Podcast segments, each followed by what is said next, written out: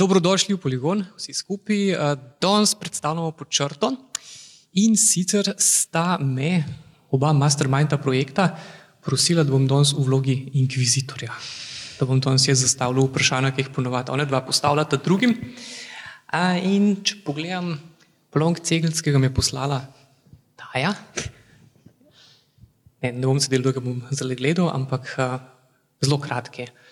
Ne pustiti Anžetu, da grdo govori o medijski situaciji v Sloveniji, ne pustiti Anžetu, da kritizira delo, ne pustiti Anžetu, da pove, kaj je vse narobe, pa kaj je vse, ampak danes smo tukaj zato, da povemo pozitivne zgodbe, kar pomeni, kaj se da narediti. Ja, glej. Nisi šel na kavo zraven. Bila je prej in evo, zdaj smo tukaj že kar definirali polje pogovora, kar pomeni, danes ne bomo čist nič kritizirali, ne, tega se ne bomo držali. Ampak bomo res izpostavili bolj ta pozitiven del, ki je tukaj.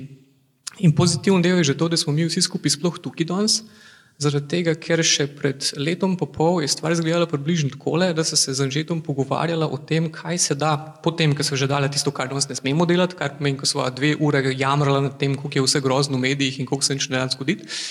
Um, je Anže vprašal, kaj pa to, glede na to, da oglaševalcev ni, da medijskih lastniki ne vejo, kaj početi, glede na to, da medijske hiše ne delajo tistega, kar bi morali delati, a pa se mi lahko gremo to, kar so se šli in nizozemski poskus in sicer reči, ajde, zdaj pa gremo bralce vprašati, da so pripravljeni podpreti ene drugačne novinarske vsebine. In me je vprašal, a pa bi se to pri nas dalo tako, a je to pri nas možno. In moj odgovor je bil, pojma nimam. Zakaj? Ker še noben ni probo. In pol leta pozneje on že to proba. Kaj je iz tega nastalo? Iz tega poskusa? Imate pa zdaj zapovedati, ker veliko mojega današnjega sogovornika in sicer pod črto ne samo, da je uspel zbrati prvo rundo donacij, preživeti en let, preživeti še več kot en let, objaviti kar velik zgodb, narediti kar nekaj sprememb. Ampak zdaj in eden razlogov, zakaj smo tukaj, je pa, kaj zdaj, kam naprej, kako se lahko razširita, kaj bi one dva rada, kaj bi rada od vas, kaj bi vi radi od njiju. Skratka, en dialog med tem, kaj se tukaj gremo, kaj je tukaj en neodvisen portal za preiskovalno novinarstvo, ki ni samo običajen startup, ki ne bo prodal nečesa prvemu svetu na Kickstarterju za take dobre suporte, ampak kaj vraga je sploh to, kar se pod črto gre, kaj je to novinarstvo, ki ga pogrešamo in ki ga poskušamo tukaj gojiti. Kdo bo začel na to preprosto vprašanje? Ne, ne, ne, krizoli. Um, ja, Zdaj, jaz sklepam, da vsi tukaj berete po črto, upam, da, no, in da, pa, da, da zdaj, da uh, zato bolj ali manj veste, kako mi delamo zgodbe, kaj pišemo, na kakšen, želi, na kakšen način želimo uh, govoriti o problemih. Mm. Zdaj, jaz pač ne bom kritiziral neposredno. Um, bom pa rekel tisto, kar sem že večkrat povedal. Um, Počrto je za mene predvsem uh, nek uh, okvir, v katerem se lahko zgodbam res posvetimo in jih delamo dalj časa. Um, ker če se zgodbam posvetiš in jih delaš dalj časa, dobiš tudi boljše informacije in lahko zadevo predstaviš bolj celostno ljudem. Um, tako to je v bistvu to. No? To je moj, kako bi rekel, um, glavni namen projekta. Um, zdaj, zgodbe, o katerih mi pišemo, vi verjetno poznate, uh, tako da lahko pa pozneje še kakšno debato odpremo na tem področju, ampak to je to. No, ampak zdaj si izpostavil dve ključni dve besedi. Več časa. To je nekaj, kar vsi, ki delamo v medijski praksi, pogrešamo. In uh, ena od reči, ki pač vi, bravci, ki te naše izdelke dejansko berete, um, si verjetno težko predstavljate, pol potem, ko vidite, kaj je vse narejen, pa kaj bi vse lahko naredili boljš, si verjetno ne predstavljate, koliko tega je res narejen v parih urah. Tako da moraš v parih urah tako roditi na sogovornike, povabiti tistega, ki ima cajt ali pred kamero ali pred to, dobiti na take zelo omejene informacije v omejenem času. Ampak to je nekaj, kar včasih ni bilo pravilo, včasih je bil novinarstvo vse ena taka dejavnost, ki si si lahko vzel tako teden ali dva ali pa cel tri za kakšne take bolj poglobljene zgodbe. Ena od stvari, ki so jo tudi začetkom ugotovila, je, da takih praks skoraj ni izven teh medijskih startupov. Recimo, dejansko moraš iti v medijski startup oziroma iti na svoje, da se temu ritmu dnevnega futranja vsebin, pa online, pa klikov, pa tole mal izmakneš. Mislim, v Sloveniji lahko rečemo zagotovo. Zato, ker zdaj vedno, ko, ko debatiramo z medijskimi strokovnjaki v medijih, mogoče mi preveč um, domnevamo, da ljudje, tudi ki niso nikoli delali v medijih, vejo, kako to poteka. Ne. Zdaj, glavna težava pri zgodbah v, rečemo temu, uveljavljenih medijih v Sloveniji je prav, po mojem mnenju, čas. Čist konkreten primer. Če da recimo statistični urad v novico danes, mislim, ali pa en dan ob 12. opoldne, da se je revščina povečala za 10% v Sloveniji. In v nekem časopisu imaš ti potem recimo do šestih zvečer čas, da napišeš zgodbo o tem. In zdaj kaj ljudje, kaj vas zanima kot bravce um, najbolj, ne? ko zveste to novico, ne da se je revščina povečala za 10%, ampak zakaj se je povečala, kakšne bodo posledice tega ne? in kako te posledice recimo omejiti ali pa odpraviti ali pa zmanjšati revščino. In zdaj en novinar v nekem dnevnem pogonu mora te, te odgovore dobiti v šestih urah. Zdaj pa najboljši strokovnjaki za posamezne stvari ponavadi ne čakajo po telef pri telefonu, da jih nekdo pokliče. Lahko so tujini na kakšni konferenci, lahko imajo delo študenti, če so profesori, lahko delajo, lahko so v službi. Ampak ti moraš v tistih šestih urah dobiti par ljudi, ki ti bo znali dobro pojasniti situacijo in to je praktično nemogoče. Ampak rok je tukaj, ti moraš ob šestih članku napisati, ga oddati, da bo šel potem v tisk in ti oddaš, kar imaš. Ti bi lahko dobil te strokovnjake recimo čez tri dni, ampak ti bo urednik rekel, ma mi smo o tem že pisali, zdaj ne bomo več. Ne?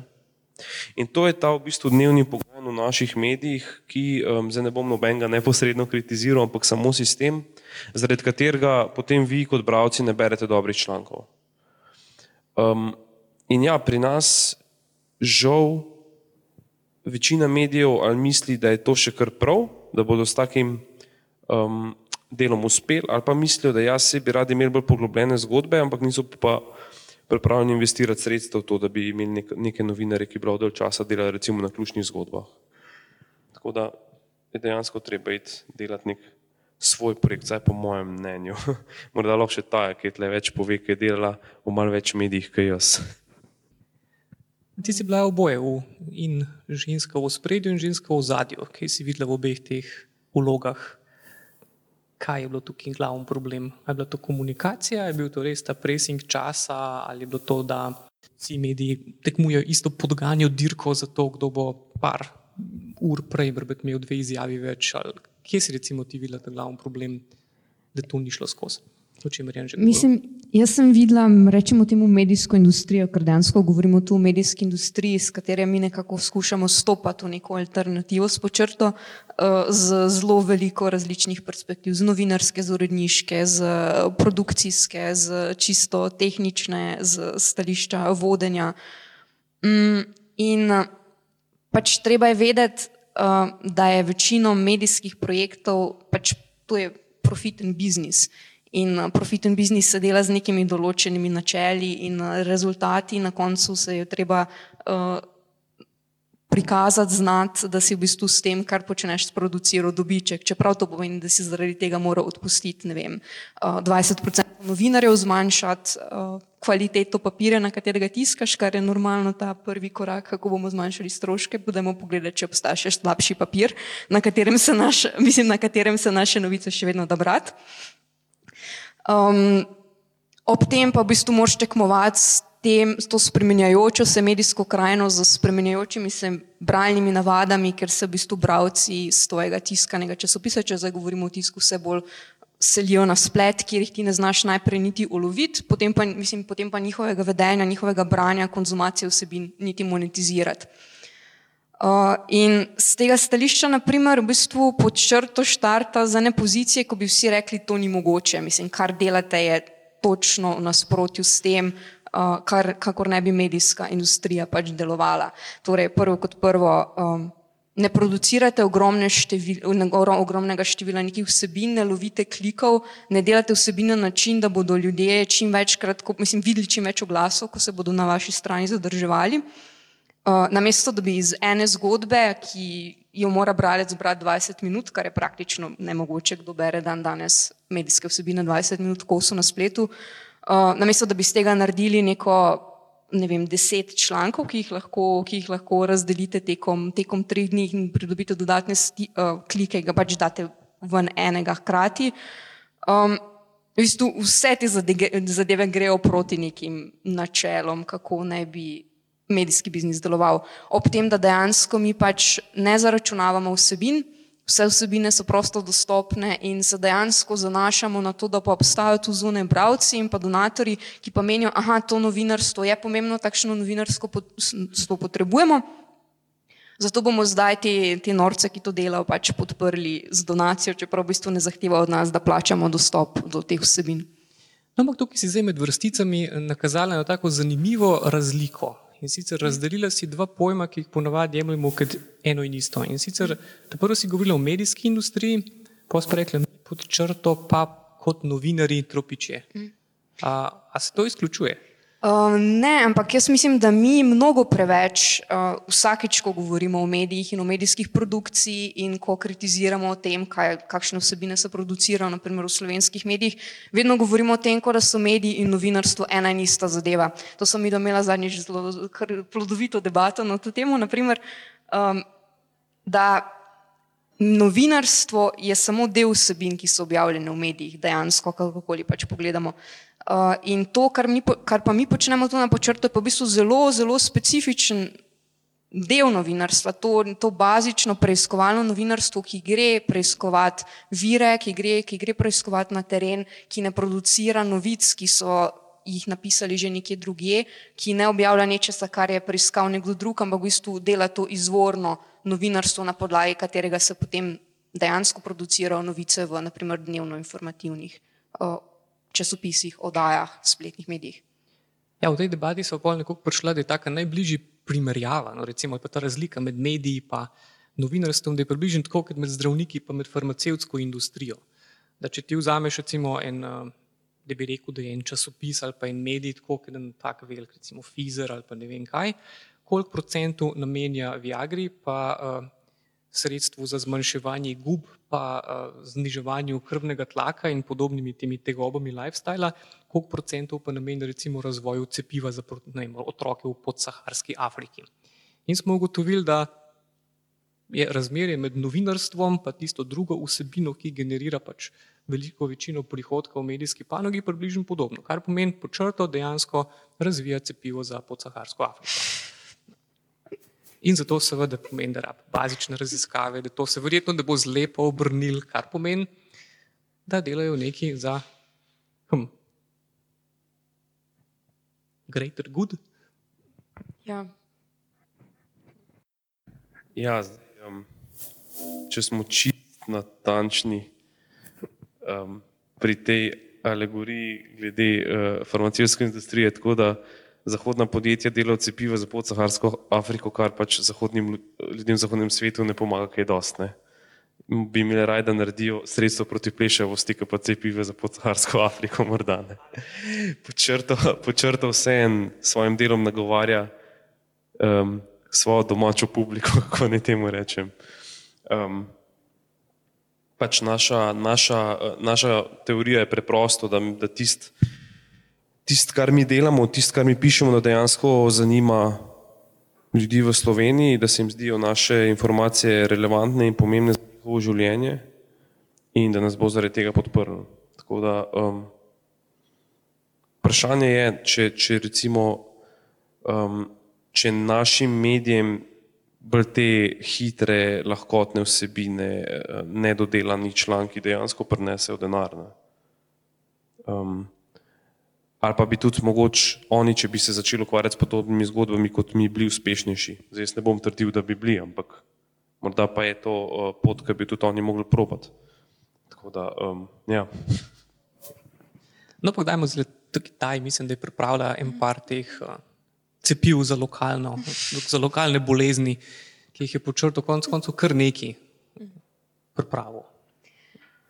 Ja, mislim, mogoče je tu ena pomembna zadeva, ki je, da um, ko govorimo o tem, kako smo mi v bistvu vsebinsko pač lokalno usmerjeni, mi se danes ukvarjamo z problemi, ki so vezani na naše okolje, pa naj je to socijala, naj je to šolstvo, naj je to zdravstvo, naj so to nepravilnosti, naj je to razkrivanje korupcije.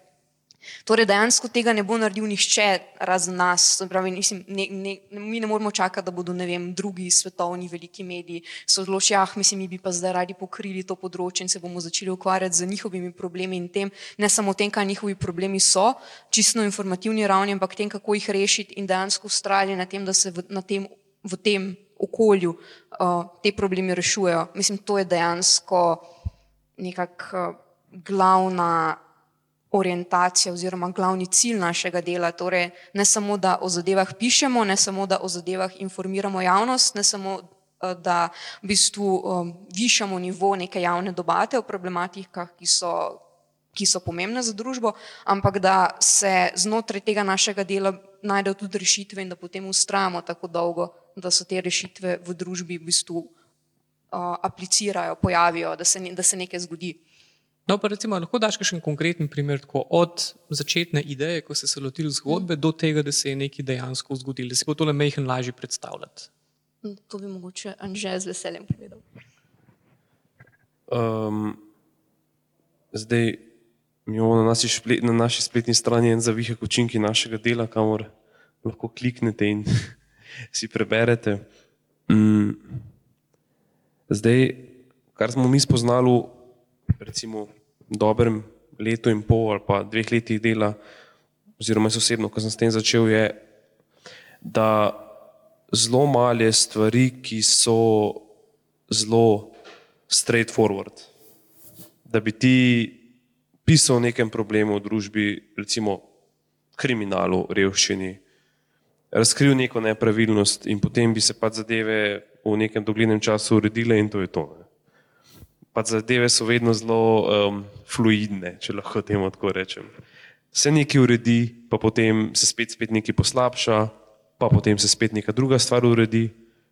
Um, tako da, ko pišeš o nekih, o nekih problemih, um, teh problemov nikoli ne bo konc. Ne. Če pišeš recimo o revščini, o kriminalu, seveda bi si bilo izluzorno predstavljati, da bomo enkrat kriminal v Sloveniji spravili na nulo in da bo tam ostal. Ne.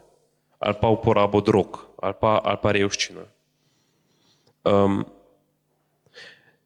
Uh, je pa tudi relativno težko imeti učinke. Ne. Zdaj, če mi, če mi razkrijemo, kje mesta v Sloveniji so najbolj obremenjena s kriminalom, zdaj težko je iti potem v ta mesta meriti, ali so dejansko se zaradi tega zgodile kakšne spremembe tam ali ne. Pač ljudje so obveščeni, to je v stanju in to je naš cilj. Imamo pa drug primer, recimo, kjer so pa neke nepravilnosti um, jasne, recimo na zadnje smo pisali o, davčnem, o, o informacijskem sistemu davčne uprave, kjer so pač, kjer ne bi bilo po nekih izračunih računskega sodišča 10 milijonov škode. Um, tam, tam zaradi pač določenih nedoslednosti, dajmo temu reči, na davčni upravi in tam se da s prstom pokazati na ljudi, ki so za to krivi, ne? ampak ljudje, uh, ki so bili za to krivi, so dobili um, zakazan, da so zafrčkali 10 milijonov ustne opomine.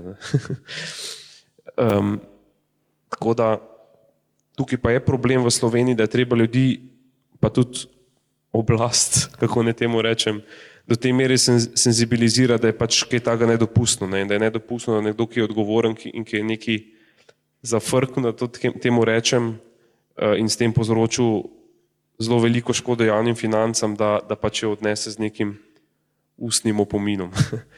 Um, to je pa tudi en segment našega dela, ki ga probujemo razviti, da, um, da dosledno poskušamo ugotoviti, kdo je odgovoren in kakšne so bile sankcije. Uh, Zaenkrat um, so te sankcije v Sloveniji precej mile, žal, ampak upamo, da bomo z našim delom tudi um, uspeli to uh, spremeniti. Ja, ena od razlogov, zakaj je ta naloga tudi malo težja, je to, ker je tukaj ena taka anekdota. Danes bomo namenoma neimenovane um, vire navajali, saj v njih teh in sicer neimenovani medijski producent, ne neimenovane televizije, je, ko je novinarke, ki so prišle tako direktno z faksa in je bilo praktično tako, tukaj imate kamero pa ekipo in pejte nekaj vprašati za večerna poročila. Uh, je bil pa je prav tako brief, kaj je treba vprašati, kamorkoli prideš v Sloveniji. Kdo je odgovoren, ali boste odstopili, pa kaj pa davkoplačevalski denar. Um, Kako pa še, recimo, kako pa ta video, tako izkušnja, da je težko kar naenkrat reči, it's complicated. Čeprav pri teh davčnih, pri davčni upravi je pa je nekaj take, zabavno bi bilo reči, kaj pa da kuplačevalski denar lih pri njih. Ampak ja, recimo, kako ima ta probleme s tem, da enostavno ne morata se iti to bombastične igre, da bi dejansko rekla, nekaj smo napisali, zdaj pa smo najdli krivga, smo zvedeli, kdo je odgovoren, smo rekli, ali boste odstopili in kaj je, ki se je pa zgodilo. Pač ne da se koliko imate recimo možnosti skomunicirati, tako recimo tudi, če se kakšen novinar javi na prakso, ali pa tudi kakšen browser reče, ja, pa to je vse skupaj tako, vi ful imate enih tok dejstev, ampak viš manjka pa en tak močan moralen zaključek. Koliko, ne, predvsem je normalno, uh, kaj nečem kritika browcev ta pa dajte pisati malo bolj pozitivne zgodbe. Ne, ne, prič, to, ne pritožujejo se na tem, da je kompleksno, pa da je treba prebrati, pa razmisliti, ampak da dajte bolj pozitivne primere najti. No. In kdo je negativc pol tukaj, ta glavni? Anže, kaj urednik? ja, ja um, Zdaj, jaz vedno rečem, tudi pozitivne zgodbe imamo. Ne? Tam, če kliknete na učinki našega dela, tam je vse pozitivno. Ne? Pozitivne spremembe, ki smo jih, upam, da naredili z našim delom. Um, bom najprej začel s tem, ja, ali boste odstopili in kakšna je bila škoda. Uh, problem tega poročanja um, ja, in pol moralni nauk je vedno uh, kriva je država, ki nič ne dela. Ne? To abstraktno državo je vedno najlažje obtožiti za vse. Nimaš denarja za hrano, kriva je država. Ne. Sedi na ulici, streljajo, kriva je država. Da, mal, da se malo zanalošč malo um, um, neposredno, mislim, pretiravam. Ampak težava je predvsem v tem, da novinar vpraša, ne, kdo je odgovoren, ne, ali bo ta odstopil in seveda ga lahko potem odgovorni na farbejo, da oni pa že ne. ne. oni pa že niso bili, tam meni je bil. Ne. Ali pa to je samo skupek nesrečnih na ključi, da, da, da je pač se zgodila neka, neka, neka negativna stvar. Ne. Mm. In v bistvu naloga novinarja je prav, da si vzame čas in sam na podlagi dejstev ugotovi, kdo je odgovoren, in pol teži, teži, teži, ne, da vidi, kakšen bo odziv in če bo za tega človeka sankcije. Seveda, Zdaj bom spet na ta zadnji primer Dursa. Ne? Ko greš ti na Durs in, reče, in ti rečejo tam na Dursu, ja, mi smo ugotovili, da, da so bili trije ljudje odgovorni, da so jim ust, ustni opomin, ki by the way ne pomeni prav nič, um, nima nobene pravne sankcije. Pol je naše delo končano, ne? mi se zdaj tu ne moramo na, glavi na glavo postaviti. Potem je delo bravcev, voljivcev, da začnejo oni pritiskati na to, ne, da rečejo v redu ministru ne, za finance. Zdaj pa, če je davčna uprava oziroma zdaj finančna uprava tvoje področje in če lahko ti zamenjaš direktorja finančne uprave, morda bi ga mogel pa zamenjati, glede na to, da da ljudem, ki so zafrčkali 10 milijonov evrov ustni opomin. Ne, tukaj je v bistvu še en, ena težava, če smem v državi, da pri nas ne manjka samo kvalitetnih medijev, ampak tudi kvalitetnih tako imenovanih, recimo, advokasi nevladnih organizacij, nevladnih organizacij, ki bi potem vzele naše ugotovitve in ustvarjale dodatni pritisk na politiko.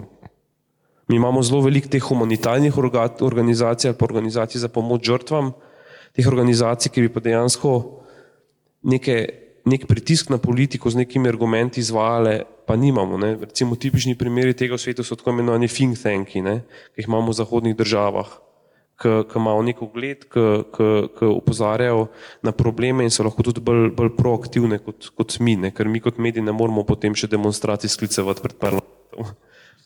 Uh, tako da tukaj, tukaj v bistvu nismo samo mi v tej igri. Ne? Kar sem hotel reči, tudi potem bravci, voljivci imajo svoje oblike pritiska na tiste, ki odločajo, da dosežejo spremembe in pa sam, sam medij tega nikoli ne bo naredil. Ne? Um, Čak pa je bil pa še drug del tvojega vprašanja, ko sem ga zdaj. Uh... Tukaj bi se še navezal na, na to, kar jih pripoveduješ, zaradi tega, ker pred tako, en, pred enim letom, ko smo bili v mečkem drugem prostoru, ampak blih tukaj, je na koncu, ki je pač prišlo do debate in so, eni ste morda že takrat bili, ampak eni so bili drugi na mest vas in pol na koncu, a, bi lahko Anže praktično, praktično zbirala seznam predlogov, kaj vse bi moral pod črto narediti. Ampak to je bil prav tako wishlist, v smislu um, odkrit unga, pa pol prijavitke, pa pol ne vem kaj. In, uh, tukaj je bilo prav res zanimivo videti, kakšno je neverjetno pričakovanje bilo do recimo enega novinarskega portala in se je Polen že na podoben način, kot zdaj zagovarjal, pa je rekel, ja, pa sej, to res ni naloga novinarstva. Mi zbrskamo, damo, damo en kontekst, damo zgodbo, pa tole pol pa mora vstopiti aktivno državljanstvo, civilna družba uh, in druge skupine pritiska, ki na podlagi teh naših poročanj kakšno spremembo naredijo. Tukaj, tukaj to še mečken razvi. Kaj je vajna naloga, pa česa ne bosta počela, ker tudi ne morata. Ja. Zdaj, idealno bi bilo, da bi jaz odkril, vem, da je nekdo ukradel milijon evrov, potem bi se prelevil v policista in bi to raziskal, potem bi se prelevil v toživca in bi, in bi ga uh, obtožil, in potem bi se prelevil v sodnika in, in mu izrekel kazni, in potem bi se prelevil v slovenskega premijeja in sprejel sistemske ukrepe, da se to ne bi moglo več zgoditi. to, ja, ali, pa, ja, ali pa pahorja, da ga pomilostim. um, ne, seveda, ne. Mislim, mi lahko naredimo prvi korak, mi lahko razkrijemo zadevo, pa, pa potem, kar je tudi zelo pomembno, periodično sprašujemo, ali so se kakšni ukrepi že zgodili. Ne. Ampak tukaj lahko tudi naletimo na steno, ne, da reče nekdo, ki bi mogel ukrepati, ali je to politika, ali je to javni uslužbenc, ali je to organ pregona, To se pa nam ne zdi tako velik problem in ne bomo tu nič naredili. Ne? Potem je pa žogca žal, ne? Ali pa na srečo, ker smo v demokraciji vedno pri državljanih in voljivcih in nevladnih organizacijah, ostalih in celi te pletori zadev, ki bi mogli razviti, bile razvite v neki demokratični družbi, s katero se pozitivno vpliva na oblast ne? in na tiste, ki so odgovorni. Tako da jaz upam, da je to dosti razdelan koncept, če pa še ni. Pa. Je, mogoče bi jaz tu dodala še en čist praktičen primer, zato ker za v bistvu zgleda, kot da bi pri, pri vsem tem izvajanju, uh, ki bi se ne dogajalo na ravni civilne družbe, bi zdaj potrebovali neke umestne organizacije, nek umestni sistem še, ki nam manjka. Ja, gotovo. Po drugi strani pa imamo težavo ravno, kako rečemo, za kratkim, um, kratkim zgodovinskim spominom državljanov in voljivcev. Naprimer, mediji lahko ne vem, koliko krat piše o nekih koruptivnih poslih ali politikov na, na lokalni ravni ali na državni ravni. Um, Nekje vmes med novicami, novica v tem infotainmentu gre mimo, mislim, aktualna je točno 24 ur in potem vsi pozabimo, kaj se je zgodilo.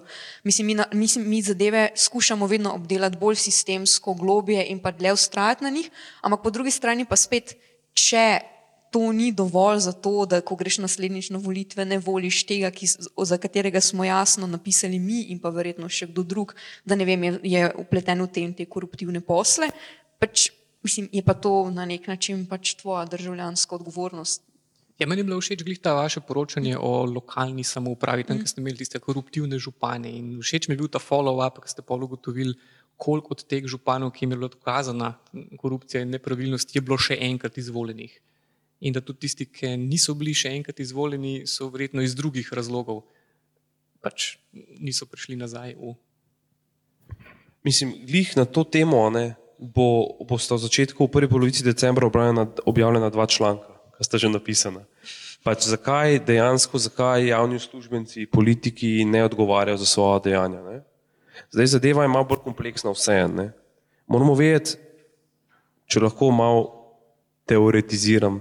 Slovenija je vseeno relativno mlada demokracija. Mi nekaterih vzvodov, sistemov, ki so nujni v demokraciji, še nimamo čisto dobro razvitih. Se tudi v kakšnih državah, ki imajo dalj časa demokracijo, mogoče ne delujejo najboljše, ampak vseeno. Zdaj, mi smo imeli ta primer, na katerega se je Leonard um, navezval, smo gotovili, kateri smo ugotavljali, verjetno upam, da poznate te članke, kateri župani so tam okoli leta 2010 do 2012 eh, sklepali nezakonite posle s svojimi sorodniki, sorodniki uh, mestnih svetnikov, s podjetji od, mest, od občinskih svetnikov, ker po zakonu župan recimo ne sme s samim sabo, ne, da bi občina poslovala s podjetjem, v kateri je lastnik, lastnik župan, ali pa s podjetjem mestnega svetnika, ali s podjetjem od županove žene. Ne. In smo, mislim, da takrat odkrili ne 30 občin, kjer so kar precejšnje vsote dali takšnim podjetjem. In potem smo ugotavljali, ko so bile, so bile lani županske volitve, koliko izmed teh ljudi je bilo ponovno izvoljenih, ki so prej nezakonito poslovali in smo ugotovili, da je bila večina. Ne. Ampak težava je v tem, da voljivci razmišljajo približno takole. Ne.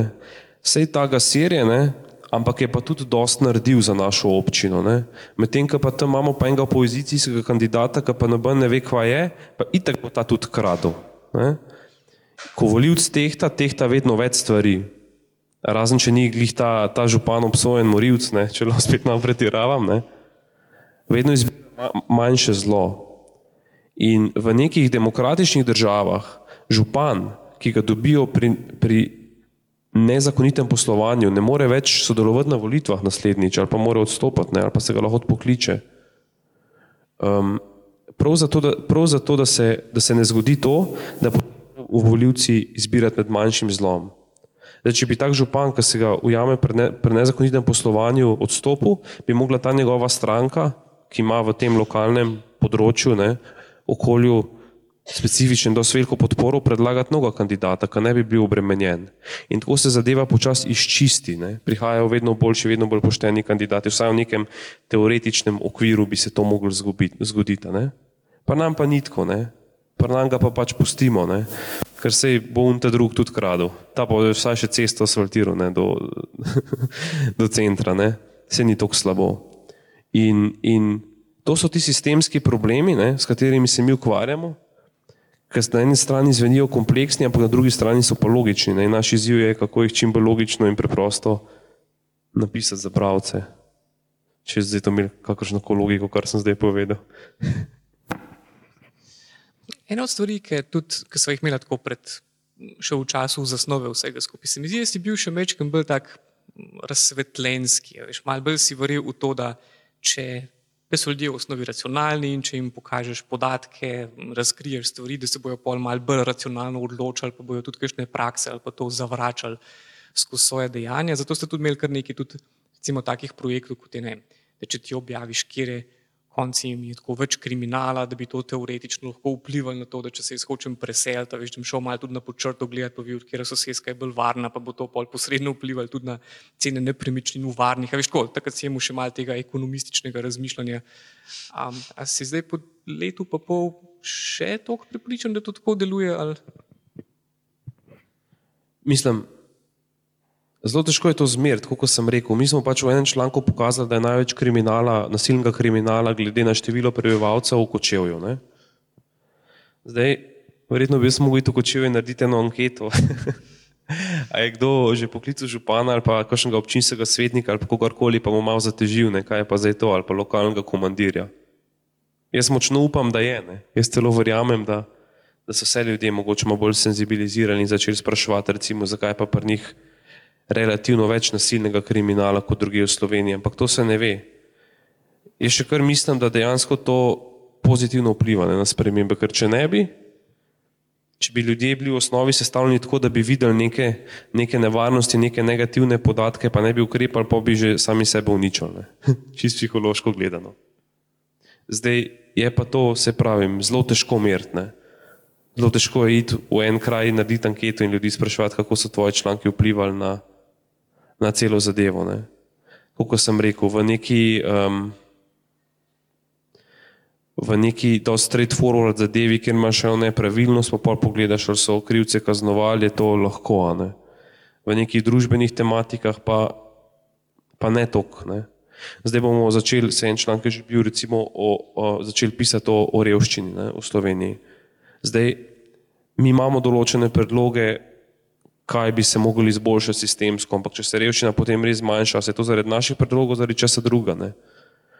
To dobro, ni nemogoče ugotoviti, je pa, je pa relativno zapleteno. Ne? Tako da, če, če misliš, to znači, reči, če misliš, ja, ta, ne vem, če sem kdaj sicer imel ta razsvetljenski pogled, ampak ta, ta pogled, da se da vse zmeriti in vse natančno kvantificirati, to se definitivno ne da.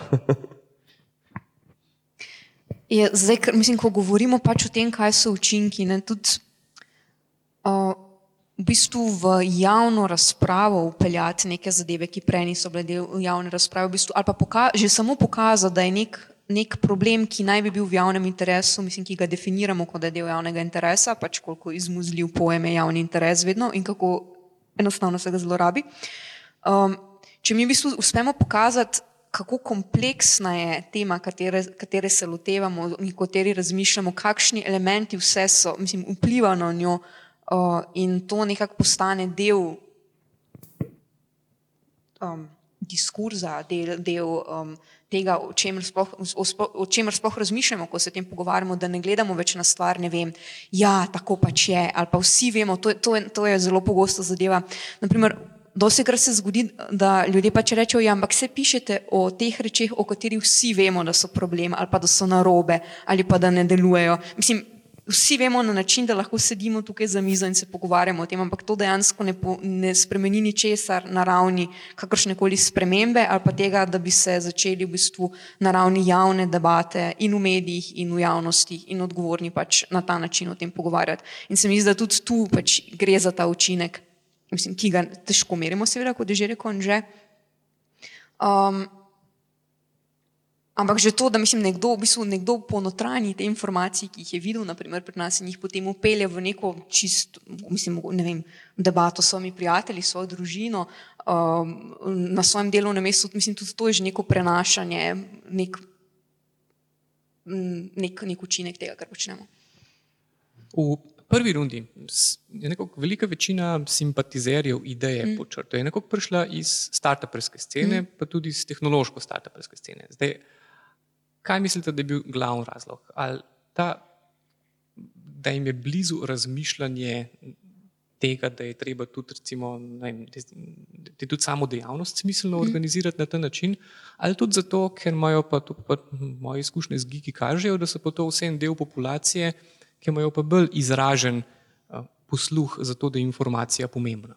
Mm. Da je pomembno imeti podatke, preden se odločiš, da je pomembno imeti odprte baze. Dejansko, vem, da so videli, da je preiskovalno novinarstvo skoraj neke vrste obliko vem, odpiranja podatkov ali pa kaj tak API. Jaz mislim, da je tukaj več razlogov in sicer um, en je gotovo ta, da ta, ta fokus na, na vprašanje odpiranja podatkov, na, na vprašanje uh, obdelave teh podatkov, pridobivanja uh, in pa tega, kaj se da v bistvu z njimi narediti. To je gotovo eden iz, mislim, bil eden izmed razlogov, zakaj je interes za počrto se dejansko v tem najbolj, najbolj geekovskem delu komunitija začel najprej formirati. Uh, potem mislim tudi, zato, mislim tudi pomembna stvar je po mojem to, da gre za spletni medij in da v bistvu mnogo teh ljudi je dejansko delalo kot razvijalcev z mediji že kdaj v svojem življenju in pač pozna, mislim, poznajo probleme medijev in njihovega delovanja tudi, znotraj, pač kot programeri. Mislim, potem pa nekaj je pa po mojem tudi čist vsebinski interes za to, da se, da se loteva tematik na drug način oziroma da se poljuje neke medijske modele, ki so morda v tujini že, mislim, ki so v tujini dansko že prisotni uh, več, deset let in več, pri nas pa jih ni bilo. Jaz bi rekla, da, da Eh, preplet tega trojega. Po mojem, mislim, pom, pom, pa pomemben je verjetno dejavnik je tudi to, kje se po črtu najprej predstavlja. To mislim, tu se verjetno strinjaš, že, da, da je to na nek način plivo. Torej, katerim komunitijem, uh, ljudem, ki mislim, kdo je, v bistvu, kdo je bil prvi, kdo je bil tisti, ki je prvi razumel to, te um, early adopteri, uh, kdo so bili tisti, ki so najbolj razumeli, kaj se pravzaprav tu počne, čemu je ta, ta projekt namenjen. Ob tem pa seveda, da mislim, da je bila njegova logika v osnovi na nek način start-up logika, kjer v bistvu pride en človek, pa potem sta dva človeka in potem de, mislim, da začnete v bistvu iz nič graditi nekaj čisto uh, brez, brez sredstev za lastnimi vložki in skušate nekaj narediti. Mislim, tudi zato, ker je bil razumevanje. Mislim, ja, pač mislim, to je način, na katerega se s, te ljudje, ki so nas podprli, mislim, ta način delovanja razumejo. Torej, kako, kako se teh zadev loti. Če hočeš nekaj spremeniti, če v bistvu ni sistemske rešitve, potem moš pač v bistvu začeti sam. To, ali, mislim, ne glede na to, kakšne ideje imaš, ali bi rad v bistvu delal podjetje, ali bi rad delal neko družbeno spremembo. No, ampak ključni izziv, verjetno, tukaj je mm. točno to, na kakšen način iz enega tajega startupa in kot ideje, in kot obsega dela, in konec koncev tudi dosega, iti v mainstream. Je to sploh kdajkoli, ker to smo se tudi večkrat pogovarjali, včasih je verjetno tukaj malo previsoko pričakovanje. Kdo misli, vem, da pod črto pa ne vem kaj, nova mladina ali pa novo ne vem, tako, da se pač vzame en uveljavljen medijski mek, ki je tukaj že desetletja gor, mm. stok zaposlenimi, stok prihodki, stok naklade, stok dosega, vpliva pa ne vem česa.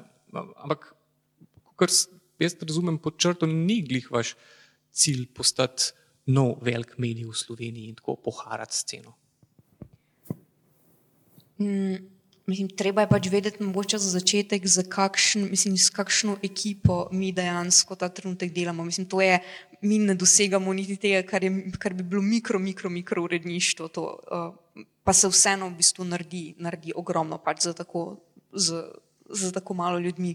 Zdaj, če bi pa hotel iti delati en um, standarden medij, ki bi, pokri, ki bi bil sposoben pokrivati tudi dnevno informativne sebine, ki bi se bil sposoben na, vs, pač na, podro, na vseh področjih, ki jih medij naj bi pokrival, pač uh, odzivati, pomeni, da ti potrebuješ v bistvu cel aparat, ki ti to omogoča. Ti moraš dejansko zgraditi medijsko hišo.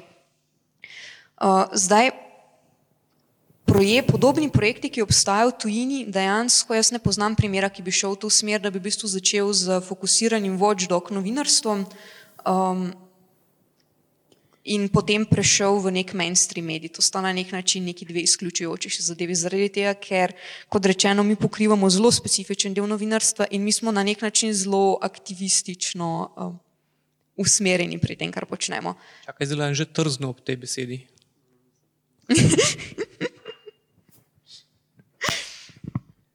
Mislim, moje čisto osebno mnenje, zakaj tudi ljudje do neke mere to sprašujejo, je to, da v Sloveniji dejansko tudi manjka en kvaliteten medij, kot je recimo kvalitetna mladina ali pa kvaliteten reporter. Ne.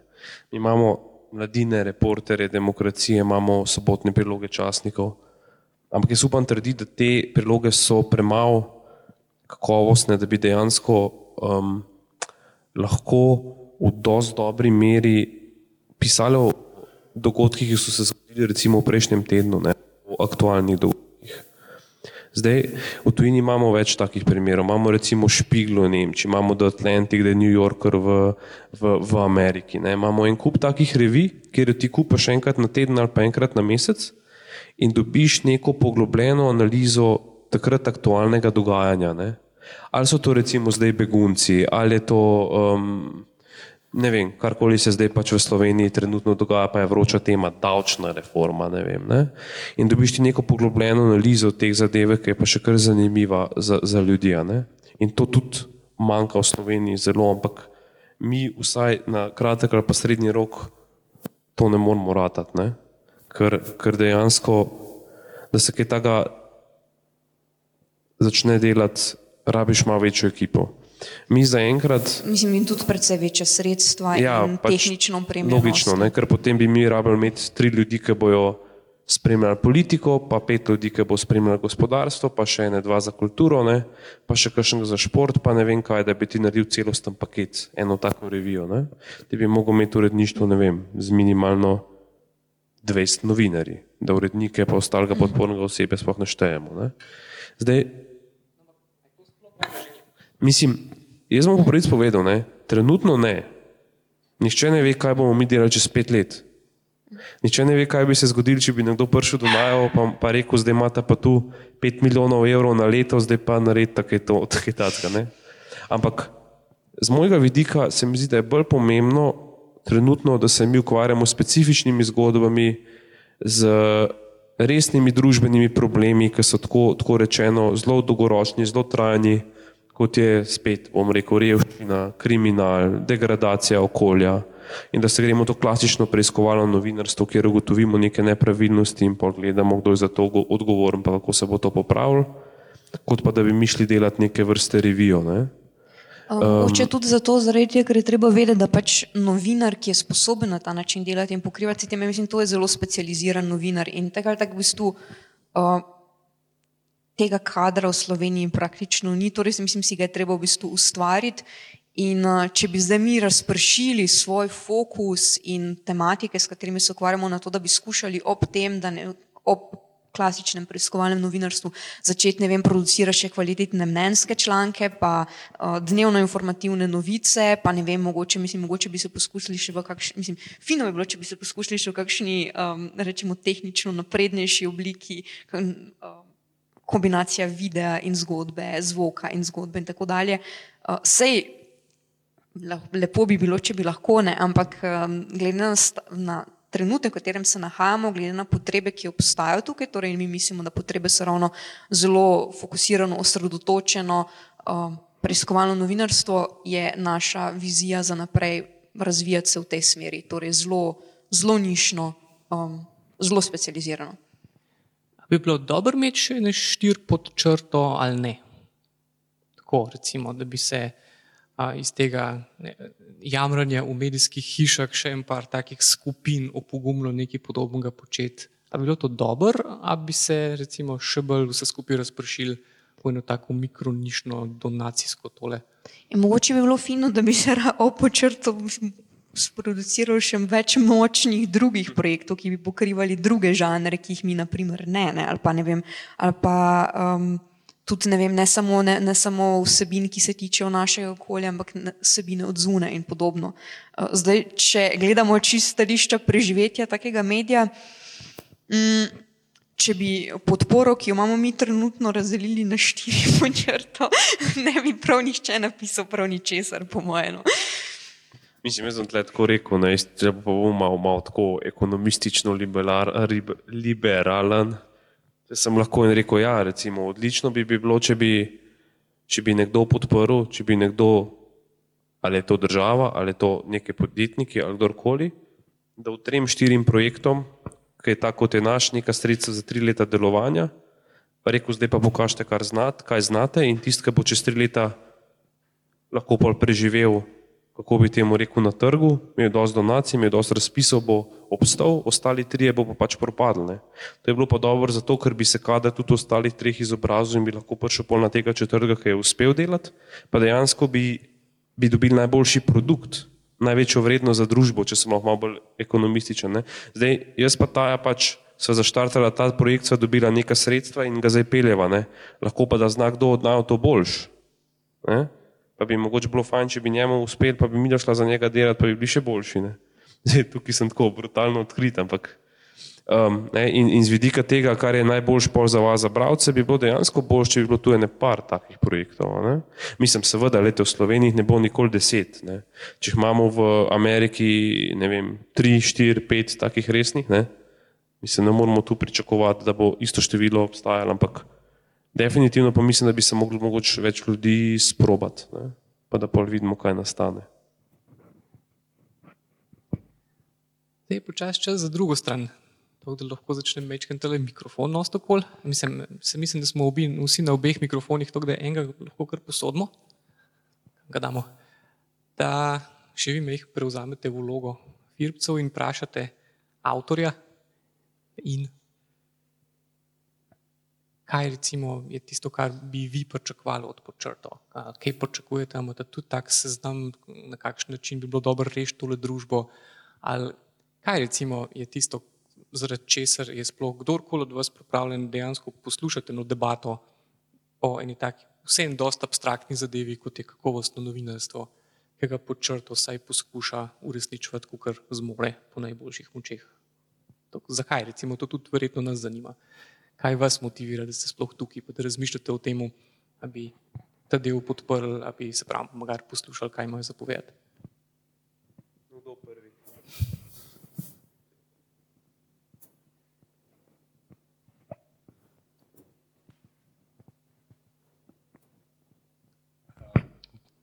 Hvala. Bom jaz sem to, da prebijam letno. Me samo zanima, uh, odnos strani medijev, uh, ko se je štartil projekt pod črto, uh, recimo, so gledali tako malo pokroviteljsko, no, no, vse je v redu, kar dajte poskusiti, so zdaj začeli imati bolj resno, uh, so bili odzivi odklonili na začetku, pa so zdaj malo bolj pozitivni, uh, pač kako gre ta dinamika v zadnjih dveh letih, bom rekel. Pa že ne kritizira drugih medijev, ne smo rekli prej. Mislim, jaz sem imel pred kratkim primer, ko mi je novinar pravil v enem večjem mediju, ne, ne bom zdaj rekel, kje, ki mu je, odgovorn, mu je odgovorni urednik težil, zakaj je počrtal eno stvar objavil ali pa eno stvar objavil še druge, ne, ker dajemo vso objavo, ne, zakaj ni to dal njim, ne, glede na to, da to bolj paše v njihovo interesno sfero, da to temu, temu rečem. Ne, da se se doskrat te vloge že obrnale. Ne, da na nek način že pričenjajo, ne bom rekel, mogoče spoštovati naše delo, ampak ga vidijo, vidijo relevantnega tudi za, za njihov koncept dela, pa za njihov koncept poročanja. Seveda se pa pol doskrat dostal pri denarju. Ne.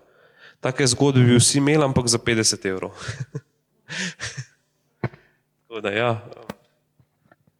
Mislim pa mogoče tudi treba vedeti, da v bistvu v tem v tem sistemu, kako mediji delujejo, dejansko medijem, ki morajo producirati dnevno informativne vsebine, je v interesu, da obstajajo projekti, kot je počrto, ki naredijo to preiskovalno delo, zaradi tega, da lahko potem oni o, objavijo novice.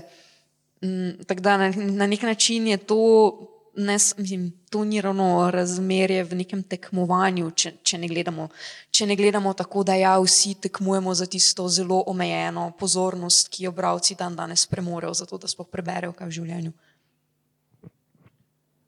Uh, imamo potem še eno vprašanje. Prej ste govorili o tem, kako bi se predstavljali informacije in kako niste sigurni, kaj vpliva, recimo, primer, kočevje, uh, kriminal in tako naprej. Zato bi se meni takoj zanima, kot še enega gika, ki ga informacije vedno zanimajo, v bistvu, kakšen pa je doseg pod črto, se pravi, direkten uh, na vaši spletni strani, koliko ljudi sploh to bere in predvsem, koliko to berejo, ker se izpostavlja problem. 20-minuten članek je zelo težko ljudi prepričati. Ne? Jaz moram konstantno našim podarjati, da je naslovi po, po bolj dan tekst, da je kratko, ljudje pač tri sekunde, pa jih ni. Koliko v bistvu to ljudi prebere, ne samo te, ki smo tukaj? Um, najprej, glede posameznega članka. Ne, naš, če gledaš dolge članke, koliko časa je človek na enem članku, koliko časa ga bere, so te, so te časi povprečno zelo dolgi. Ne. Če imamo recimo članek, ki, za katerega recimo traja, da celo prebereš 10 minut, ne, imamo doskrat povprečje na članku 6 do 7 minut, ne? kar pomeni, da zelo veliko ljudi prebere veliko večino članka ali pa celo celega. Ne? Tako da to ni tak problem. Ne? Tudi recimo mainstream mediji, vem, da finance so zadnjič poudarjale, da so vsi vedno mislili, da noben noče brati in so vsi krajšali, krajšali članke in potem so ugotovili v krizi zdaj, da vsi radi berejo dolge članke. Ne? Ne, oziroma nekaj drugega so ugotovili. Ugotovili so, da, tisti, da je količina ljudi, ki bere dolge članke, razmeroma konstantna. Ja, in ti bo so verjetno tudi najboljše stranke. Ne? Seveda, in da tisti, ki so pripravljeni brati ja. dolge članke, berejo ja. dolge članke. Problem je bil pa- samo v tem, ki jih ni bilo več. Ja, zdaj, če pa gledamo na število bralcev, ki nas bere, imamo pa tle en problem, da smo kot mali mediji zelo odvisni od zakonitosti, ne vem kako bi temu rekel, interneta pa distribucije. Nam je branost portala kot taga zelo upadla v zadnjih mesecih. To preprosto zato, ker nas je začel Facebook zelo trokirati. Praktično, ko Facebook, ne vem, ko ti ali, ali so sprejeli tako politiko, da so zaostrili, ali slišal sem tudi govorice, da ko si dost velik, te začnejo bremzati članke za to, da plačaš, da se jih promovira, ne, da jih več ljudi vidi. In ta efekt se zelo opazi. Ne. Zdaj, če gledaš, koliko ljudi pride prek search engineov na naš portal, koliko ljudi pride direktno, to še kar raste. Ampak ker je Facebook na začetku tako velik del obsegu, ne, je to drastično pad, imamo zdaj manj bralcev. Ampak po drugi strani, ne, pa ko mi objavimo, so objavimo članek o dnevnikovem objektivu, kjer smo do zdaj redno objavljali, ali pa dnevniku, to ima doseg 40 tavžnih ljudi. Ne. Ko ga prebe, objavimo na RTV Slovenije, to ima mesečno obsega 300 tavžnih ljudi. Imamo primere, ko pišemo o, zlo, o, o nepravilni porabi ali pa zlorabi evropskih sredstev, ki na naši strani prebere članek 500 ljudi, na MMC-ju pa 10 tisoč. To pomeni, da ta, ta članek ni bil nezanimiv. Ne? Ti članki o zlorabi evropskih sredstev ali pa nepravilni porabi, ki so na prvi pogled zelo suhoparni, številke, tehnično, kaj se je zgodilo na robe, so zelo dobro brani na MMC-ju. Veliko boljš kot od povprečja. Ne? Mi smo pa žal zaradi, zaradi teh zakonitosti interneta ne, omejeni, da čisto objektivno, ne, z nekimi temi, zakaj to ljudi, no, zato pa probamo strategijo čim več soobjaviti v prihodnosti. Pa mogoče je tukaj še ena pomembna zadeva, kar se tiče pač dosega in pa, in pa merjenja učinka. Da pri našem delu je izrednega pomena to, da preberejo članek pravi ljudje, da pride do ljudi, ki, mislim, uh, ki so na mestih, kjer bi, mislim, kjer bi morali to situacijo pač uh, reševati.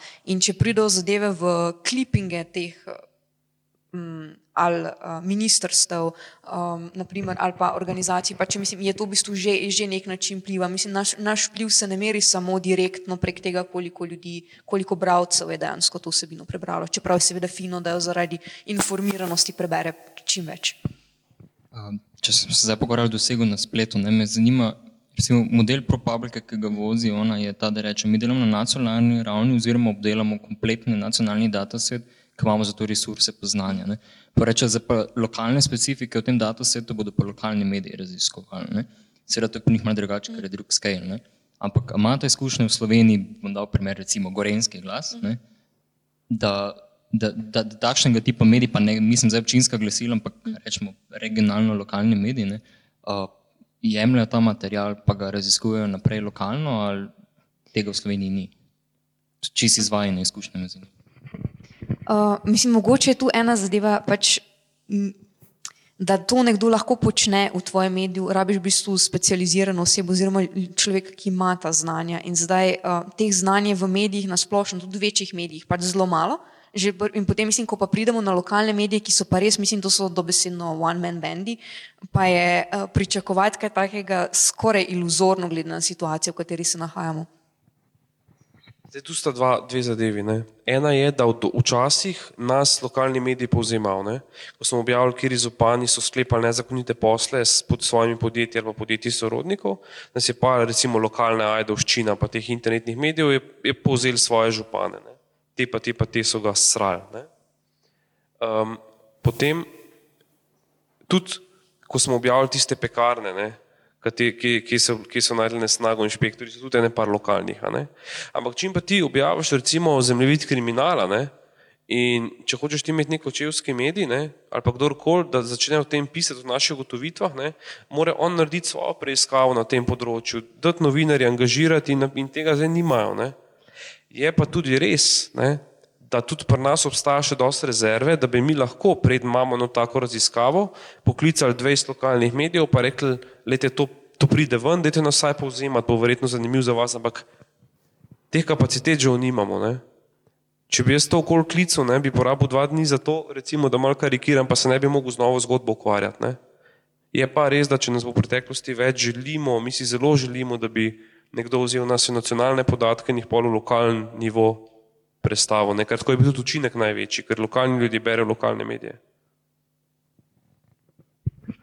A pa ste zasledili, da bi te podatkovne zbirke, ki ste jih dali na voljo, kdo uporabil pač izven, pa vas citiral še potem, pa mogoče dodatno pod vprašanje, koliko vas citirajo in koliko vam kradejo? Ma, ja, mislim, glede teh podatkovnih zbirk, včasih kakšen geek najde, pa naredi kakšno lepo vizualizacijo, pa nam pošle.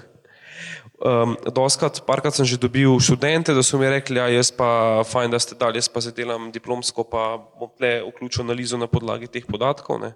To je bilo pri kriminalu ene pa takih zadev, um, da so polozili te podatke in v diplomskih pisali, pol linke do teh diplomskih mi še niso poslali, mogoče pa kdo bilo, to, bo, to bi bilo full fajn, da vidimo, kaj je z tega nastalo. Mislim, da nam je celo tisti inštitut za kriminologijo pri pravni fakulteti rekel, da neke naše podatke uporablja. Um, tudi glede na klikanost je kar uredno, no, ljudje jih kar gledajo, ne. ni tako malo zdaj. Glede krajev v medijih je pa tako, največkrat nas citiral, ne. včasih nas, nas ne, ne. Včasih se nam je že zgodilo, da je novinar dejansko novinar dela enkrat vzel naše podatke in jih predstavil kot svoje. Ne. In sem pa res, res težil, ker to se mi pa zdi res grdo, da so potem javno upravičilo objavili. Ne. Ker on je v bistvu vzel naše razkritje, pa je tako napisal, da je to on odkril. Ne.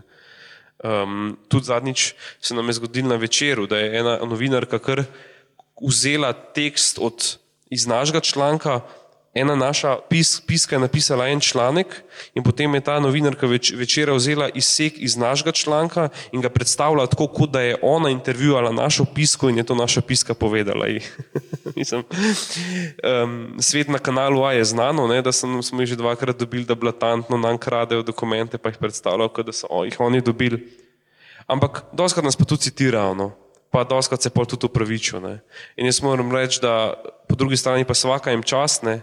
da tudi ko mediji dobimo, da nam kradejo, pa jim zatežimo, v, v vseh primerih, razen v enem, to nek skvari našega sodelovanja, nas še krvabijo, pa povzemajo, ne? niso jezni. Sam en medij je tak, je pol surlo stegno, ampak zdaj ne bomo omenili, kateri, ker smo se prej eksplicitno zmenili, da tega dotičnega medija ne bomo kritizirali.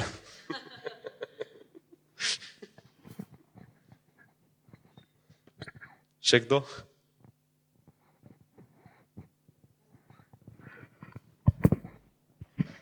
To nisem že to še nikoli vprašala, pa toliko kava. Uh, so vam grozili s kakimi tožbami?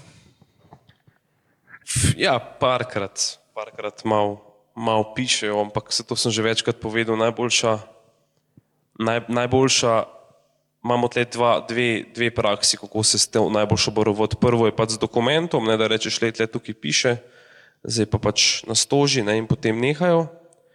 Je pa v naši zakonodaji ena ful dobra provi, uh, dobro pravilo, da če ti nekdo zagrozi s tožbo, lahko ti uh, mu napišeš odgovor na to grožnjo, tudi če ti en samo v mailu napiše tožo, te bom, če ne omakneš, lahko ti napišeš odgovor na to tožbo oziroma tvoj odvetnik in mu z odgovorom na to tožbo tudi pošleš račun odvetnika, ki je stal tebe, da je da je uh, to odgovor za na tožbo bil napisan. Ne? Tako da mora potem ta človek, ki tebe res tožiti ali pa plačati tvojega odvetnika.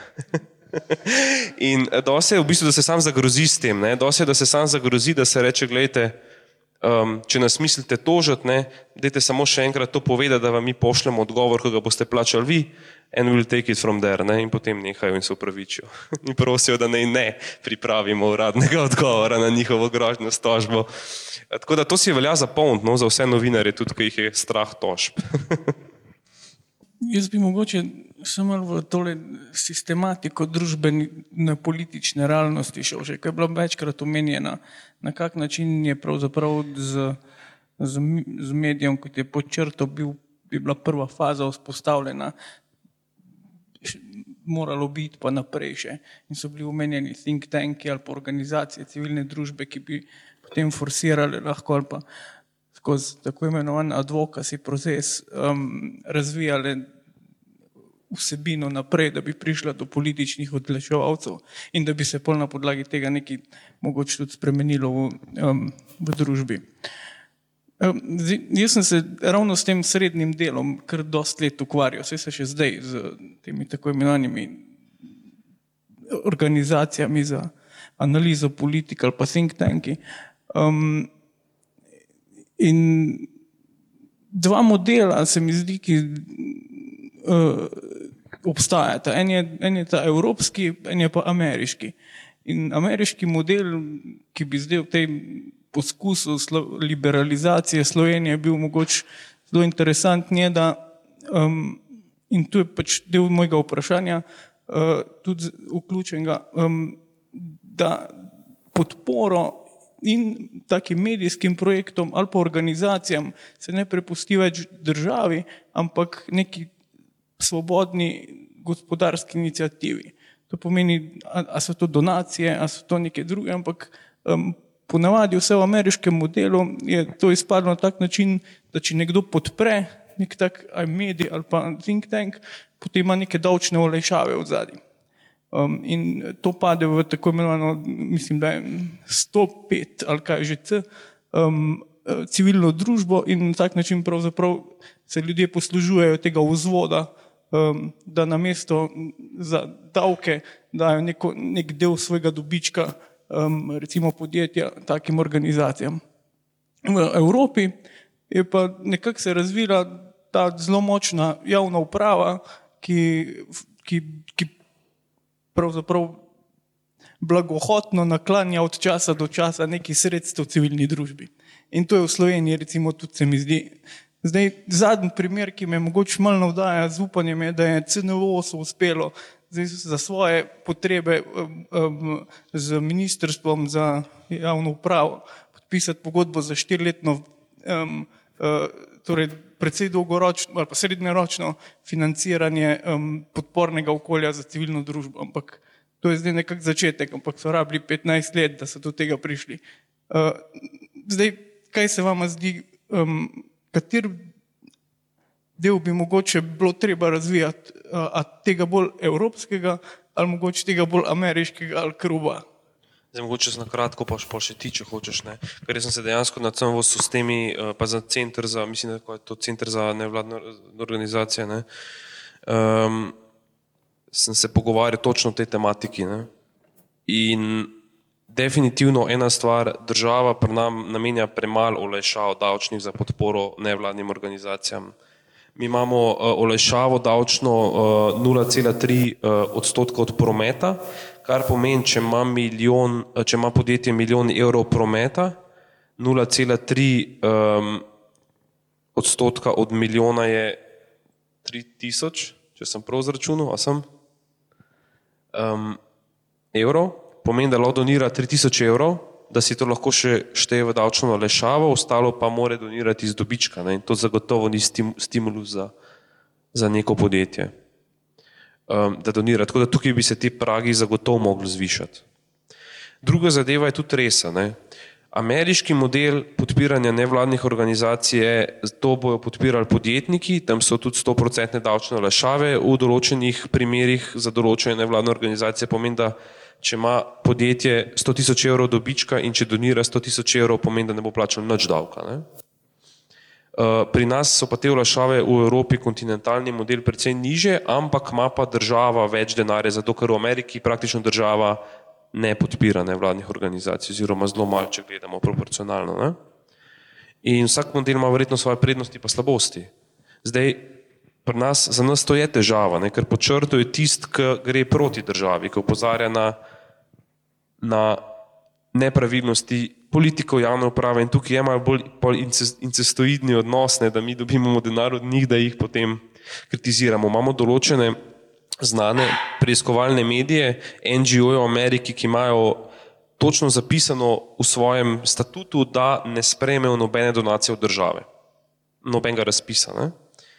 Um, sam, ampak če bi pa to šli abruptno spreminjati, se pa vseeno v Evropi, pa v Sloveniji tudi še posebej uh, vzpostavlja ta kultura med ljudmi, pa podjetji, zelo velik podjetij, ne vsemi, ker tudi mi imamo podpornike, da, da je dobro donirati za humanitarne stvari, za kulturo, pa ostalo, tako kar mi delamo, pa že mora država poskrbeti. In zdaj, če bi to abruptno začel spreminjati, državi jemati sredstva, za NGO je pa daje davčne našave za podjetja, vprašanje, če bi podjetja dejansko potem to dala. Um, ampak definitivno pa je naš namen na počrtu tudi senzibilizirati podjetja, posameznike in to zvedno, kar delamo, ne? da brez podpore, čim bolj širše podpore, čim več podjetij, pa predvsem čim več bralcev, nam ne bo uspel. Zato, ker mi rabimo čim bolj razdrobljeno podporo, da smo lahko čim bolj neodvisni. Če si ti odvisen od enega vira, od države, od ministrstva za kulturo, se temu ministrstvu ne boš hotel zameriti. Če si odvisen od enega podjetja, se temu podjetju ne boš hotel zameriti. Če si odvisen od določenega segmenta bravcev, se temu segmentu ne, ne boš hotel zameriti. Ne? Če imaš pa ti razpršeno financiranje, si lahko pa najbolj neodvisen in naj, naj, imaš največ učinka. Ja, ker mislim, ko govorimo pač o tem projektu, v bistvu ne gre samo za neke spremembe, ki jih skušamo uvajati skozi novinarsko delo, ampak tudi to, kako celoten model medija pač deluje na način, da je vzdržen na dolgi rok. Zdaj, um, mi ta trenutek seveda še ne vemo, ali je naš model vzdržen na dolgi rok ali ne. Uh, bi bilo pa, mislim, bi pa radi dosegli, da je. Či, Ne zato, ker smo zdaj tako emocionalno navezani na svoj projekt in ne bi želeli, da propade, bi, ampak zato, ker je izrednega pomena, da to vrstni projekti ne, ne nastajajo in usihajo na, nek, mislim, na, na zelo, zelo kratek rok, če bi radi, da se v bistvu neke spremembe zgodijo. Uh, z večjih strani. Pač ena stvar je, da v bistvu zagonski čas takšnih projektov je vedno dolg. Uh, mislim, pridobi, v bistvu zgraditi publiko in ustvariti doseg, mislim, to vedno, mislim, pač tudi to vzame čas. Uh, potem vzame čas, da dejansko ti začneš prihajati do virov informacij, dokumentov, da, da v bistvu se sploh pozicioniraš kot nekdo, uh, ki je za vire, ki, mislim, ki so s tabo pripravljeni govoriti, pač relevanten. Teme naslednja zadeva, seveda, da se moraš vzpostaviti kot relevanten, ne samo za bralce, ampak v medijski prostor okoli, zaradi tega, da tvoje zgodbe začnejo povzemati. Uh, zadnja stvar pa je seveda, da te mora nekdo biti pripravljen podpreti in to, da ti lahko pokažeš, kaj počneš in kakšni so učinki tvojega dela. Uh, zato dejansko tudi potrebuješ nek čas. Mislim, mi smo v tem letu in pol, kar se dela na tem projektu zelo intenzivno, dejansko tekli ene zelo kratke kroge. Mislim, mi smo v bistvu sprintali vse čas. Tako mislim, tri mesečni sprint v to smer, pa tri mesečni sprint v ono smer, zaradi tega, ker smo v bistvu morali pokazati za vseh teh pet področji, da, da smo dejansko tukaj sposobni nekaj narediti. Torej, nič nam ne bi pomagalo, če bi bili sposobni od sebe dati samo, ne vem, uh, deset izredno dobrih zgodb, ne da bi vmes uspeli narediti še vse ostalo, ker nam pač v bistvu cel sistem bi se sesul in ne bi vzdržal.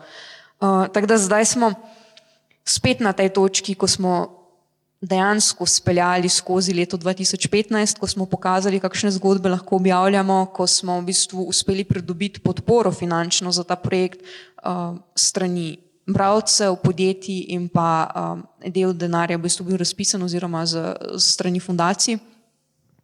Um, če pa hočemo priti na naslednjo raven dela, ki nas, nas interesira, pa, mislim, pa moramo spet teči to troko. Tako, ko rečemo, a ste nas zdaj, a smo naredili dovolj, a ste zadovoljni s tem, kar smo naredili, ali ste nas pripravljeni podpreti tudi v naslednjem letu, ker v naslednjem letu želimo narediti pa to, to in to. Mm, to je mogoče to, kar si ti prej spraševal, kaj je v bistvu naš, naš cilj uh, v prihodnosti. Um, o čem razmišljam, mislim, da imamo štiri, štiriletni plan. No, ampak ena od stvari, ki, ki se zelo povedala, je tudi izredno pomembna, tudi za vse vas, če bo še kdaj kol prišel, kakšen drug počrtal ali pa kakšen drug, ki ne bo počrtal do vas in vas pripričeval s skrajno ambicioznimi PowerPoint prezentacijami, kako v tem prostoru postaviti medij. Medij je čudna žival. In res traja zelo dolg časa, preden se ti in kot novinar, in kot avtor, in kot občinstvo, preden vse to vzgojiš. Zato, kdorkoli bo prišel s to idejo, zdaj bomo pa tukaj vrgli, vem, pet ali pa deset milijonov evrov, imeli ne vem, kakšne ambiciozne plane, mislim, ti lahko kupiš opremo, lahko, zapos, mislim, lahko najameš, ne reko, zaposliš ljudi, uh, lahko zakupiš oglasne prostore in vse skupaj, skratka, lahko pokuriš ogromno denarja in nimaš absolutno nobenega učinka, zaradi tega, ker v momentu, ko se ta financiranje neha, ti ostane samo realno bravstvo, izkušnje in ljudje ki so jim pač tisti, ki jih berejo, pripravljeni zaupati in nakloniti svoj čas in pozornost. Tako da, kakršni koli ti veliki masterplani s tem, zdaj pa mi prišli pa naredili ne vem, kakšen velik medij, pa tole ste lahko tako v štartu pripričani, da to ne gre tako. Mislim, meni osebno je zadeva takšna tudi, da v bistvu na nek način uh, ne gre samo več za odgovornost do projekta, kako pač čutiš odgovornost do projekta, na katerem deliš, ga vodiš in tako dalje, ampak dejansko tudi na neke, na, za neke vrste družbo, družbeno odgovornost, ker naprimer, ne vem, če tega ne uspemo potisniti pod črto dalje, če v bistvu ne uspemo razviti te, to vrstnega medija in to vrstnega novinarstva, je dejansko ta možnost, da se bo v naslednjih petih letih pojavil nek drug projekt, ki bo uspel dobiti ta val, ki, ki, je, ki se mora, mora ustvariti, zato, da, da tam tak medij lahko vzpostaviš. Um, mislim, možnosti za to v tem prostoru so izredno majhne. Pač. Ni za pričakovati, ah, mislim, se oni bodo propadli, pa ne vem, še nek drug medij, nek, nek drug majhen medij, ki podpira neke druge zadeve ali pa razvija neko drugo novinarstvo po, po propadu, ampak zagonskega potencijala pa je neskončno. Mislim, vse čas bodo sklik, pač klile neke, neke nove ideje, neke nove inicijative, neki novi mediji in ni problem, mislim, medijski prostor se bo razvil samo od sebe. Mislim, jaz menim, da uh, je medij za razliko od startupov v bistvu toliko specifična zadeva, tako kot si ravno ti rekel, da pač ni tega, mislim, ni zaračunati na srečno na ključe, ki bo iz nič uh, neko, neko idejo v, neko orbito izstrelila. Ne, oziroma samo v ekstremnih zgodovinskih obdobjih so bili znani taki primeri, ko so bili kakšni taki mediji, spremljalci revolucij in podobno, ampak to pa načeloma niso bili scenariji, ki bi jih prav želeli. Ja, mislim, ne bi si želeli revolucije za to, da bomo, da bomo zdaj streljili naslednji medijski projekt. Še nekaj sem se spomnila, zadnjič sem bila na FDV-ju in sem v um, časopisu študentov novinarstva videla intervju z vama. Zelo dober intervju v bistvu. To me zanima nekje v tujini. Mislim, da so tako te preiskovalni mediji ali pa vsaj recimo eni ljudje, ki se s tem ukvarjajo, dosti povezani s fakultetami. In tudi vemo, da v bistvu iz fakultet doskrat pridejo profesori, ki kritizirajo medijsko sceno in tako naprej. Vem, da si rekel, oziroma da ste rekla, da nočete biti odvisni od kogarkoli.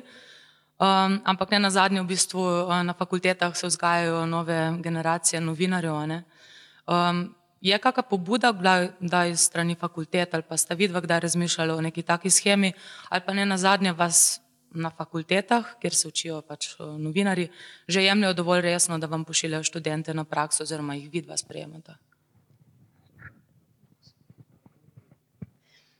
Um, ja, ta intervju, ki si ga imela, mislim, po mojem mnenju, je bil to eden boljših intervjujev, ki je bil narejen, narejen s počrto, tako da to kaže na to, da, da ni. Um, ni za zanemarjati novinarskega potencijala študentov, ki se šele kalijo v, te, v teh vodah. Uh, zdaj tako je. Uh, mi se v, do tega trenutka s tem, da bi skušali v bistvu izobraževati študente, uh, širiti znanje prek neke prakse dalje generacijam, ki šele prihajajo, nismo ukvarjali s čist praktičnega razloga, zato ker je to z resursi, ki jih imamo, nemogoče. Pač seveda pa mislim, v neki, v neki prihodnosti bi bilo idealno, če bi obstajala ta možnost, da je naprimer, naprimer, da počrto dovolj velika organizacija, ki se ukvarja s preiskovalnim novinarstvom, ki ima tudi možnost, da, da vzgaja presežek novinarjev, ki jih ne potrebuje. Torej, ali so to študenti, ali so to v bistvu novinari drugih medijev, uh, ta na nek način news hacking sistem, ki se ga, mislim, ki ga izvajajo večinoma večje organizacije v tujini, ki imajo tudi temu primerna financiranja, uh, kjer gre dejansko za to, da ti neka specifična znanja in pa tehnike privzgajaš ljudem, ki ne bodo delali za tebe zaradi tega, da se zboljšuje cel sistem, v katerem deluješ. Mislim, to bi bil zelo optimističen scenarij. Jaz sem imel par dni nazaj en pogovor z nekom um, iz FDV-ja, ne, enim profesorjem, ki je sicer rekel, da neka sredstva mogoče bi bila celo na voljo evropska, da se to financira, sam tukaj je en problem da mi smo premali trenutno. Ne. Jaz ne morem, poleg vsega dela, ki ga upravljam, zdaj če dva študenta pa je učiti. Čist preprosto. Ne. Če bomo imeli več ljudi, je to možno in si tega želimo. Drugo, ta sredstva so projektna. Ne. Za eno tako sodelovanje je bilo bolj pametno dolgoročno, da tudi fakulteta nek, po domače rečeno, konkreten denar, da se to vzpostavi tekom več let in, in, um, in na tem sistematično dela in vzgaja nove kadre, ne samo, da je to neko polletno projektno financiranje za enega študenta, pa enega mentorja, kun študent bo pol tak šel, ga mi ne bomo mogli več plačati. Mi se bomo z tega denarja mogoče malo mal boljš nam bo, ampak pa so zadeva zaključila.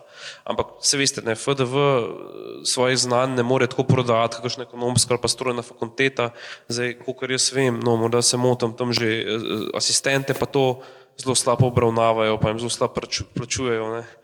Um, in režejo posod, da lahko dobijo redno zaposleni svoje plače, ne, takšne kot malo spogajane s pogodbami. In kje se bo pa tu najdel še nek denar za, za kakšne razvojne projekte, ne, kar bi sodelovanje s počrto verjetno bilo. Tako da je pa še ta problem, ampak definitivno pa, pa, pa, pa bi bili mi za tako sodelovanje srednjeročno zelo zainteresirani. Sam pod takimi pogoji, da je to stabilno, večletno z jasnimi cilji in jasnim financiranjem. Maja, jaz imam pa en komentar, pa eno vprašanje. Taja, rekla si, da več čas šprintata in tečeta na kratke proge, v bistvu jaz pa vaju vidim, da tečeta na dolgo progo. Ko v bistvu zgrajujete mediji in vzgajate občinstvo. Tako da respekt za to. Veliko več ste naredili kot kakšni kratkoročni projekti, ki so imeli dejansko v budžetu milijone. Tako to je bil komentar. Vprašanje pa, kaj teži, nabirati denar ali, ali meriti rezultate, ki jih imajo članki, ki jih naredita in niso včasih dobri. Ne kot rezultat vajnega dela, ki je vrhunski novinarski izdelek, ampak rezultat, da voljivci izvolijo župana, da davčna ne, ne ukrepa tako, kot je treba.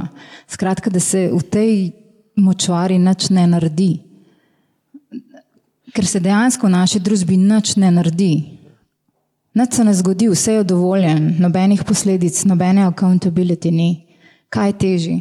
Nabirati sredstva, da bo ta preživela ali včasih požreti, da nekaj, kar je vrhunsko narejen, nima tistih posledic, kjer, ki bi jih v razviti družbi imelo. Jaz bi dal sam komentar na tvoj komentar. Ja, šprinterji tečejo na 100 metrov, maratonci tečejo malo bolj počasno na 42 km, mi da mora pa šprintati na 42 km.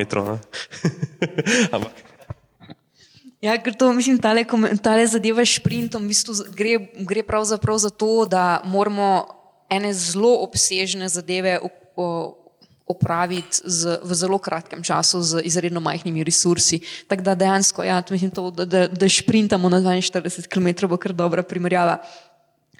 Uh, zdaj, Jaz ne, mislim, čeprav se klasično sicer v medijih, ne vem, rečemo temu poslovanje medija ločuje od vsebin, mislim, pri počrtu mogoče na nek način, mislim, te na, na projekt ne gledamo točno na ta način, zaradi tega, ker v bistvu eno brez drugega ne, ne obstaja. Mi, ne pro, mi namreč ne prodajamo oglasnega prostora, mi ne prodajamo dosega do bralcev, mi v bistvu, mislim, naš, naš edini produkt je vsebina in pa učinek, ki, ki pač jo ta vsebina, vsebina prinese. Za denar, če sprašuješ, potem ni nikoli zabavno spraševati. Mm, Zdaj, um, seveda, del podpore v bistvu pride kot direktni rezultat našega dela. Torej, mislim, to, to, to je mišl, tem, s tem je mišljena predvsem podpora od bralcev, um, ki pa jim je treba še vedno vseeno povedati, zakaj pravzaprav mi ta denar potrebujemo in da ga sploh potrebujemo. Zato, ker pač prvi, nek, mm, mislim, bralec ne razmišlja o tem, ko bere neko vsebino. Ja, hm, koliko časa so pa oni zdaj zbirali te dokumente, pa tu mislim, pa tu ima, tu mislim, tu ima toliko in toliko podatkov, to je gotovo je nekdo več ur sedel za tem in zdaj, mislim, kako le so si plačali, mislim, kako le so plačali to delo. Uh, tako da ena izmed zadev, ki jih je treba skomunicirati, je gotovo ta, da v bistvu to vrstno novinarstvo stane in da edini način, ki, da v bistvu mi dobimo sredstvo za to delovanje, je od direktno naših podpornikov. Mm, da tu ni tega, tega na videz um, magičnega momenta, ki smo ga navajeni iz medijev sicer, da pač lahko greš um, brati neko vsebino, se jo je dejansko plačal oglaševalec, ki oglašuje zraven. Mislim, ni, ni, ni tega razmerja. Um, kar se pa tiče podjetij, pa je zadeva takšna, da nas podpirajo predvsem podjetja, ki v bistvu na nek način uh, vid, mislim, to so več, večinoma podjetja, ki delajo na tehnološkem področju in ki, vid, ki vidijo v tem projektu pač čist na nek uh, malo um, ali pa celo precej ambiciozen projekt, ki uh, vključuje tako um, podatkovno novinarstvo, modelavo podatkov in odpiranje podatkov na eni strani, po drugi strani pa direktno to, da je tukaj nekdo, ki se ukvarja z tem, da je treba stvari spremeniti. Ravno to, kar si ti rekla. Um, da, mislim, da, da, izha, da se izhaja iz te men- mentalitete, ja, vsi govorijo, da ni mogoče, ampak treba se stvari samo lotiti in nekaj se bo spremenilo, nekaj mogoče premakniti. Tako da mislim, mislim to, je, to je ena izmed nekak logik zadaj za, za našimi podporniki. Zdaj bi tle še dodal, ja, pri podjetjih pa nabiranju denarja. Ne, se doskrat na kakšno podjetje reče, se to tudi dost, žal, mislim, mentaliteta, da ja, pač, zakaj, zakaj bi jaz zdaj tep, ne, kako moš prepričal, da ne dam raj uh, lačnim otrokom. Ne. In um, tukaj jaz zdaj ponovem, uporabljam to alegorijo, da rečem, da to, da bi dal ti samo humanitarne namene, je tako, kot da bi ti da bi eno mesto zelo veliko denarja dajalo v gasilsko brigado, pronaž denarja pa varnost, eh, požarno varnost stavb. Ne. Pomeni, da bi ti imel sicer super gasilsko brigado, ampak vsak dan požare, ne, ogromne. In mi želimo podjetjem nekako sporočiti, da potrebujemo oboje. Ne. Tako humanitarne zadeve, gasilsko brigado, kot tudi neke zadeve, ki so stvari poskuš, um, sposobne reševati sistemsko, da do požarov sploh ne pride. Ne. Um, kar zadeva pa učinke, pa tako, jaz vse ne bi bil tako zelo pesimističen. Ne. En zelo znan primer je objava honorarjev profesorjev na supervizorju, ne, za katerega vsi vemo. Ne. Ko se to objavlja, eh, a je bila to Setnikar Cankar ali kaj je bila nekdanja ministrica za izobraževanje, se mi zdi, je odstopila takoj praktično, ne. ker je bila to blamaža, da je ona ne vem koliko sto tisoč evrov potegnila iz ne vem točno kje, iz rednega študija ali kaj. Tako da to je že kar velika stvar odstop ministra, to niti ni tako zelo mala zadeva. Ne? Tudi pri nam se doskrat zgodijo kakšne spremembe, ne? Um, tudi na podlagi tega, kar mi pišemo. Ne? Se Vendigarja, nekdanjega direktorja policije, so tudi potem odstavili. Ne? Um, Kar zadeva primer Tetra, je tudi potem policija uh, naredila notranji nadzor in ugotovila, da, so, da policisti ne skrbijo za varnost tega komunikacijskega sistema in jim naložila nekaj, da izboljšajo varnost, kar je tudi neko, nek, nek pozitiven učinek, čeprav v tem primeru niso letele glave, ne, da temu tako rečem. Tako da definitivno se da, ne, zato ker učinek ni vedno samo to, da moraš nekoga kaznovati. Kar mi poskušamo narediti, je, da skozi naše delo pokažemo tudi, da je javni upravi politikom alternativo. Ne. Ja, imamo problem, ne. Um, ampak z nekimi pametnimi ukrepi se ga da rešiti. Ne. In na koncu je tudi vsakmu politiku v interesu, da se, da se problem reši. Zdaj, jaz mislim, da bi uh, gospa Anja Kopač Mrak s celo stranko SD vred skakala v zrak, če bi uspeli prepoloviti revščino. Zdaj, vprašanje je samo, kako, kako to narediti. Ne? In tudi to je en del, kjer mi poskušamo dati svoj input, ne? kaj pa svetujejo strokovnjaki, kaj pa, kakšne pa so razmere zdaj, kakšne so pa izkušnje stojine, kaj se da narediti. Se vem, da je to malo poenostavljeno, ampak um, jaz vse nisem tako pesimističen, da se nič ne da narediti. No. Pa še ena stvar se tukaj zelo pomembno začela, kar je pa tudi pomembno spet pri nagovarjanju, pa to je, kako vi zunanji, recimo sploh, če bi bili morebitni donori in pol gledate tiste grafe, polno, kaj je recimo vam merilo, ali je nekaj uspešno ali ni uspešno. Mi smo malo preveč navajeni na to, da je medijska industrija res 40 let delovala po enih takih izredno problematičnih metrikah. Recimo časopis, na katerem sem začel delati pred 15 leti, je imel recimo 100 tisoč naklade takrat, od tega so nekako naračunali 350 tisoč dosegov kar so pač računali nekako tako, naklado, pa so pa nekaj telefonskih anket in so prišli do ene številke. Po eni zelo podobni metriki še danes deluje televizija. Pač gremo na eno pokritost, koliko je to gospodinstvo, pa imamo še ne Nilsne in podobne telemetrije, ki določeno vzorce ljudi vpraša, kaj gledate, pa kako in iz tega se izum ena gledanost. Ampak to so valute, ki so obstajale samo zaradi tega, da je množično oglaševanje pač prek množičnih medijev nagovarjalo množična občinstva. In to so številke, ki izgledajo impresivne. Recimo, kaj s tem? 350 tisoč dosega enega dela, v kaj boš to prevedel. Je to isto kot vem, milijon tristo tisoč vsega pop TV-ja, je to isto kot recimo 20 tisoč klikov na podčrto. Mislim, tukaj se začnemo pogovarjati o takih čist drugih metrikah. In kar je recimo internet pokazal, je to, da, kot ste pač pravilno omenila, da če boš ti kjermukoli oglaševalcu, ki je vajen tistih 100 tisoč ali pa milijonskih številk, s katerimi operira, da upraviči to, enem mediju oglašuje ali pa notro vanga vlaga, ti je prizen pod črto, ki ima tako mehne številke po tej valuti, da še na koncu Excelove tabele skoraj ne pride. Ampak, realno, koliko ima vpliva en, koliko ima vpliva drug, kaj pomeni eno, kaj pomeni drugo, ki enkrat pol vidiš, kdo so tisti ta pravi viri novic, iz katerega se pol navajajo, da veliki mediji, koliko so recimo, in to recimo za Ameriko zelo dobro izračunan, da je še danes, po vsej krizi časopisja, pa tukaj ne gre za fetiš časopisa, da je to nekaj božga po vse, ampak enostavno so to institucije, ki obstajajo skoraj 200 let, ki so razvile ene mehanizme, ki znajo nekaj delati, ki imajo ene načine dela. Časopisi v ameriških medijih po vseh mogočih empiričnih raziskavah prispevajo med 85 in 90 odstotkov vsega breaking newsa, novih vsebin pa tole. In televizija, internet in ostalo imajo predvsem ulogo ojačevalcev, pa distributerjev, ne pa originatorjev. In zaradi tega tudi v Ameriki, ki je tako skrajno liberalna in ekonomistična družba, se danes razvijajo resne debate in celo jih ne označijo takoj za socialistične, na kakšen način zaščititi, oziroma na kakšen način omogočiti, da bodo ti originatorji novic preživeli. To so zdaj trenutno zelo aktualne in resne debate v Ameriki in je hecno, da celo v Ameriki se zdaj po 20 letih to zbuja, pri nas pa tako gremo par korakov nazaj. Tok, da te valute, ki jih boste, kadarkoli vam bo kdorkoli prišel s kakšnimi vem, kliki, metrikami, dosegi, pa ne vem kaj, boste zelo skeptični in poskuste poizvedeti, kaj v resnici je za temi kliki. In tukaj je pač v Sloveniji to zelo res, da če te bere 500 pravih ljudi, je doskrat veliko bolj pomembno, kot če te bere 300 tisoč tistih, ki samo kliknejo.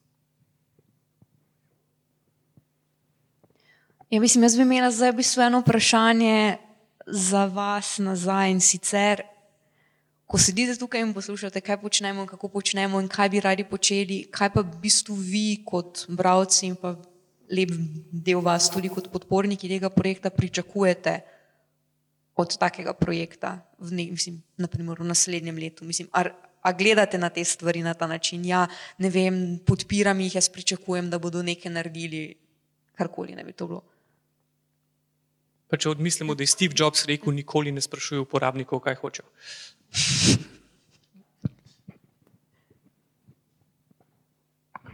Jaz hočem, da nadaljujete tako, kot ste začeli, pa da se lotite uh, problematike v znanosti. To, kar ste naredili, župani in podobno. Dragan Petrovec iz Inštituta za kriminologijo, ki uporablja vaše podatke in se je lotil preučevanja kriminologije, je ugotovil, da so najbolj podkupljivi A župani, B poslanci, C diplomacija. Četrta kategorija, ki se ni, še ni lotil, je v um, znanstveniki in v znanosti velik problem, naj podčrtam še malo to pogleda. To je bilo zdaj nevarno vprašanje, zdaj bomo spet dobili to, to, to dolgo višlisto za, za naslednje tri leta. Ja, vem, ja.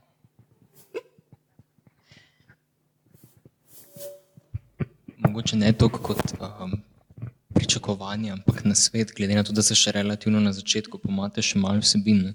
Glede na to, koliko natančni ste, pa dosledni ne, pri vsem tem, tudi navajanju oseb, organizacij in podobno, je mogoče razmisliti, če bi si pomagali tako, da če bi dosledno tudi tegirali te stvari, ne samo v smislu na koncu, ne strukturirano, ampak konkretno, da bi si lahko pomagali na dolgi rok z ustvarjanjem nekih indeksov, čist z vidika preglednosti vsebin za nekoga, ko mogoče danes pride na počrto, pa nikoli še ni bral. Ne pa bi rado nekje, nekje veš, v smislu, uvod v podčrto. Sej, učinki dela, tako naprej, že, že gre v tej smeri, kar je super, pa meni nas vse enkrat zažete, recimo ti maili tedenski so sploh fajn, ne, če ne speš tekoče brati. Ne. Tako da sam kot na svet. Tu je eden izmed eh, projektov za začetek 2016, sicer ravno se lotiti te težave, prezentacije tega, kar počnemo, torej v bistvu vsebinsko, strukturno, dizajnerskega redizajna. Še kdo počasi že preselimo tole na individualno eno plus ena plus en pivo? Mislim, jaz bi predlagala, v bistvu, da, da počasi zaključimo ta, rečemo, temu formalni del in se začnemo sproščeno pogovarjati eh, čez mize in pijačo. No, to bi bil moj predlog. Snemalne naprave ugasnemo. In ja, snemalne naprave, predvsem ugasnemo.